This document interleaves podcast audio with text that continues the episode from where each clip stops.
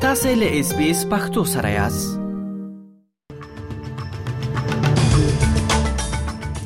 د خبرونو سټکی په پا پاکستان کې د سیلاب استراري حالت اعلان شوې ده او د سیلابونو لامل لګ تلګ 3 میلیون خلک اغیزمن شوي دي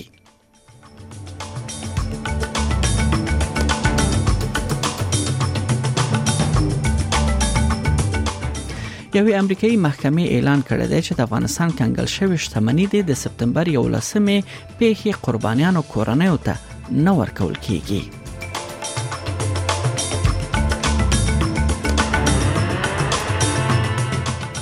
د استرالیا حکومت یو نوی پروګرام پر مخ اچولای دی چې د کډوالو لومړی ډله لمخه 13 شپه استرالیا ته راورسیده دا کډوال د ټولنو لخوا چې ځای ټولنې دي هغه لخوا د بهر څخه راوختل کیږي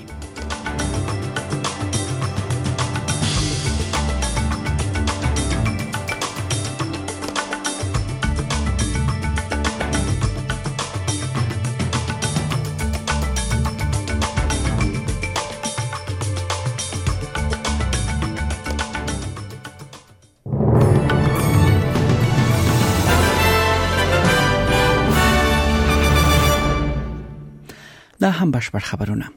په پا پاکستان کې د سیلاب اضطراري حالت او یا بشري ناورین په توګه باندې بیان شوی دی د سیلابونو لامل لګ ته لګ 3 میلیونه خلک اغیزمن شوی دي او نږدې یو زر کسان وژل شوی دي او ډېری نور ورک دي په تیر وسلیر ساتونو کې 2000 زره کورونه په جزوی یا بشپړ ډول زیانمن شوی دي او د جون په نیمایي کې د مونسون له پیل راهیسه په سلګونه زره کورونه زیانمن شوی دي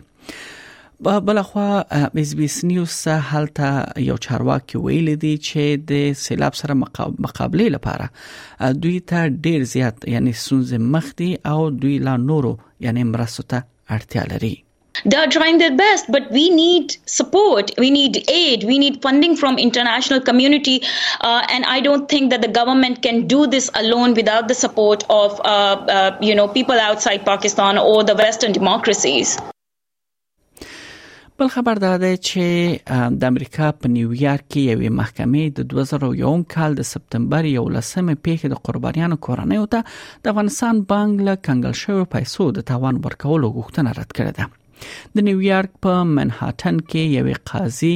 سارا نیوټن په نامه باندې ده هغه خپل دغه پریکړه اورول ده او ویل دي چې افغانستان بانک پر شتمنۍ محدودیت له قانوني واکه بهر ده د هغې د سپارښتنه به اوس بل قاضي ارزوي چې وبدل شي او کړه د همدې قاضي په اړه باندې هم ویل شوې دي چې دغه سپارښتنه کېدای شي ونه منل شي او دغه کنګل شوی پیسې بیرته افغانستان ته په یو ډول ورکړ شي بل خبر دا ده چې د کډوالو لومړی ډله چې استرالیا ته د بیا میشتیدنې د نوي ازمایښتي پروګرام لمخه د منل شوې دي او راوستل شول پرون شپه د سنی هوایي ډګر ته ورسېدل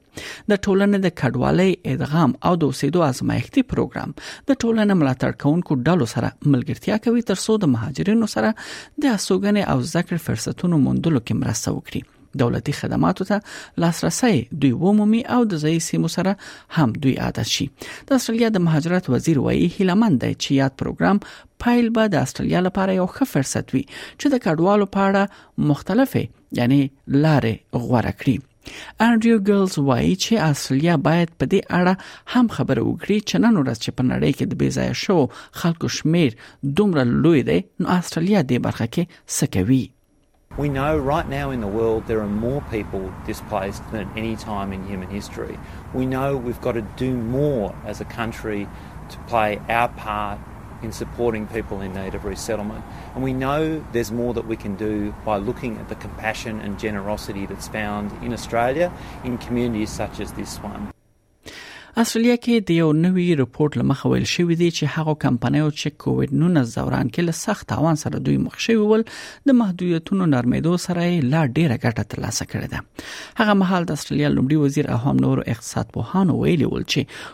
کوویډ 19 لامل بندیزونو تاوان به له کوویډ محدودیتونو لری کول وروسته دا په ډیره ګټه بدل شي ډیری کاروبارونو له ګټو ترلاسه کول وروسته اوس انفلاسیون او نړۍ بې ثباتۍ لامل بیا له سره مخ شوې دي او هم د دوی راتلونکي خ نه برېخي اوس اقتصاد پوهان وایي چې استرالیا کې کاروبارونه به د مرکزی بانک سود نرخ لوړوالي او هم نړۍ کې سیاسي ګډوډۍ لامل له تاوان سره مخ شي ولبي استرالیا کې کاروبارونه په 1300 میاشتو کې ډیره ګټه ترلاسه کړې ده استرالیا کې تر سره شوو سیړنو موندل ده چې خزې د سړیو پر پرتله لږه تنخوا اخلي د استرالیا اوسنی حکومت ژمنه کړې ده چې دا مسلې ته د همدې کال تر پایه جدي کتنه کوي او د فیر ورک قانون کې د یاد برخه قانون باندې یعنی بدلون غوښتنه کوي په دې قانون کې به د خزو کارونو هغو برخو تنخواوې ډېر کړې کوم کې چې خزې ډېر کار کوي لکه د زړو کسانو ساتنه مرکزونه د ماشومان ساتنه کمپنیانه او هم داسنور په دې کې به کاروبارونه هم اړ کیږي ترڅو د جنسیت لمخه د تنخوا ورکړې او یا ویش مسله په شفاف ډول راپور کړي د استرالیا د کار چاپیریال وزیر ټونی برګ چینل 9 سره خبرو پر مهال ویل د کار قانون کې بدلون به استرالیا کې د عادلانه کاری کمیسیون یا فیر ورک کمیشن ته ضمانت ورکړي تر څو استرالیا کې د خزو او نارینه او تنخواو ترمنځ واټن لري کړي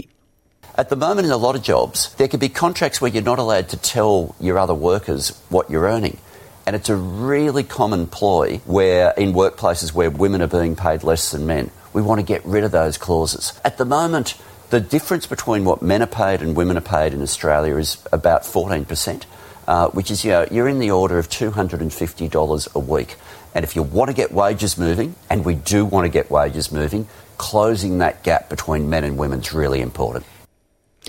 بلخو یو سړی د سنی ښار په یو اپارتمان کې د یو لړ چاودنو وروسته سخت ټپي شوی دی او د محل روغتون عاجل څنګه کې درملنه لاندې دی ویل کېږي چاودنه د غازو یوې ډبې خلاص پاتې کېدو وروسته رامنځته شوې دي اور وژونکي نن سهار 2 بجو لګ وروسته په کانکور سیمه ته د یاد کور گاونډیانو لخوا راوغوښتل شول ځکه له یاد کور څخه د لوړ غږ غږونه او یا چاودنو غږونه اوریدل کېدل د اور په ی... د اور په یوې درې پوړیزې ودانۍ پورتنی پور کې لګیدل وو ویل کېږي په دې کور کې یو سړی موجود وو او سوزیدو وروسته یې ځان له ودانۍ ښکته غورځولای دی چې وروسته له سختو ټپونو سره روغتون ته وړل شوی دی پولیس زیاده پیښې پلټنه کوي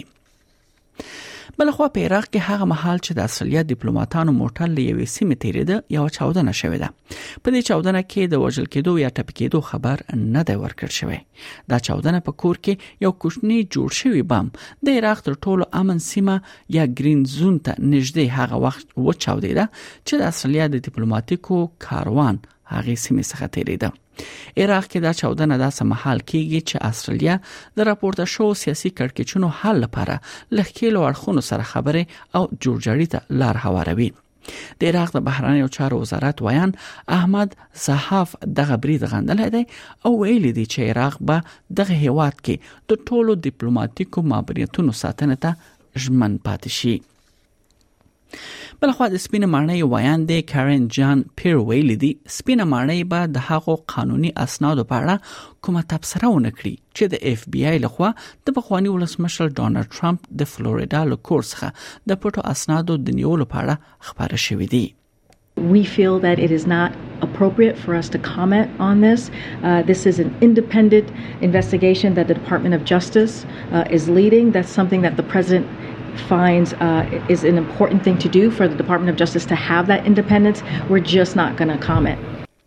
د متحده ایالاتو د عدلیې وزارت د قانوني سند یو اصلاح شوی نسخه خبره کړې ده چې اف بی آی ته اجازه ورکړي چې د خاغلی ترامپ د مارالاګو ملکیت څخه محرم اسناد دولتي ریکارډونه ثبت کړي د اته دیش مخونو د سند درې ویش پاڼو مهمه برخه تورې شوې دي د یو لس مخونو متن په بشپړه توګه لمنځه وړل شوی دی ولې دا ټول په داس حال کې ده چې ډونلډ ترامپ ویلي دی د امریکا ولسمشریزو ټاکنو ته بیا ځان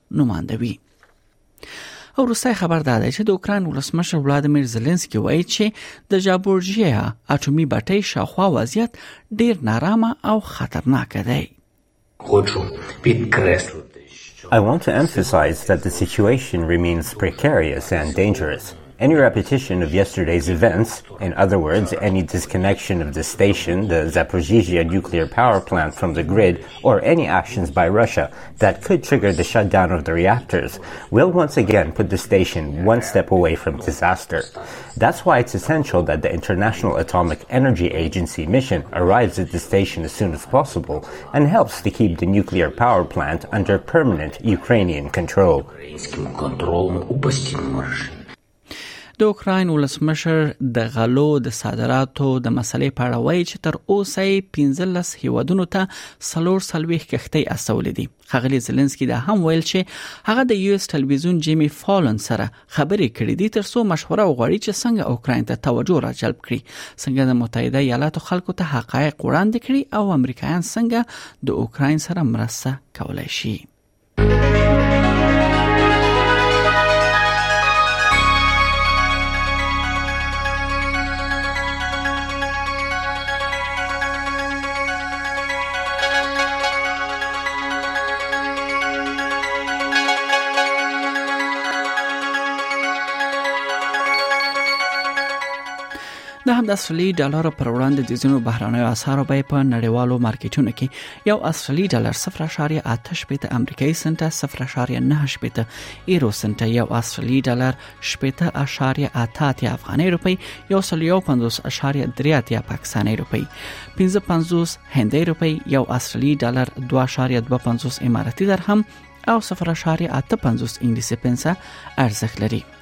د همدا سړیا د زینو خارونو نن لپاره د تودوخه تر ټولو لوړه درجه هغه هم د سانتیګریډ په کچه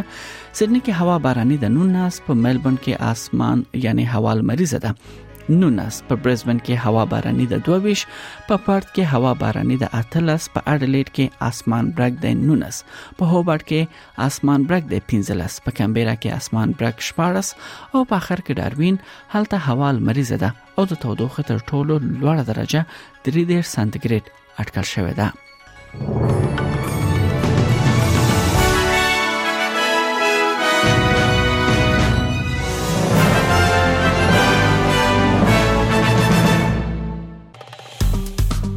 که غواړئ دغه سنوري کیسې هم او رینو د خپل پودکاسټ ګوګل پودکاسټ یا هم د خپل خاكي پر پودکاسټ یو اورئ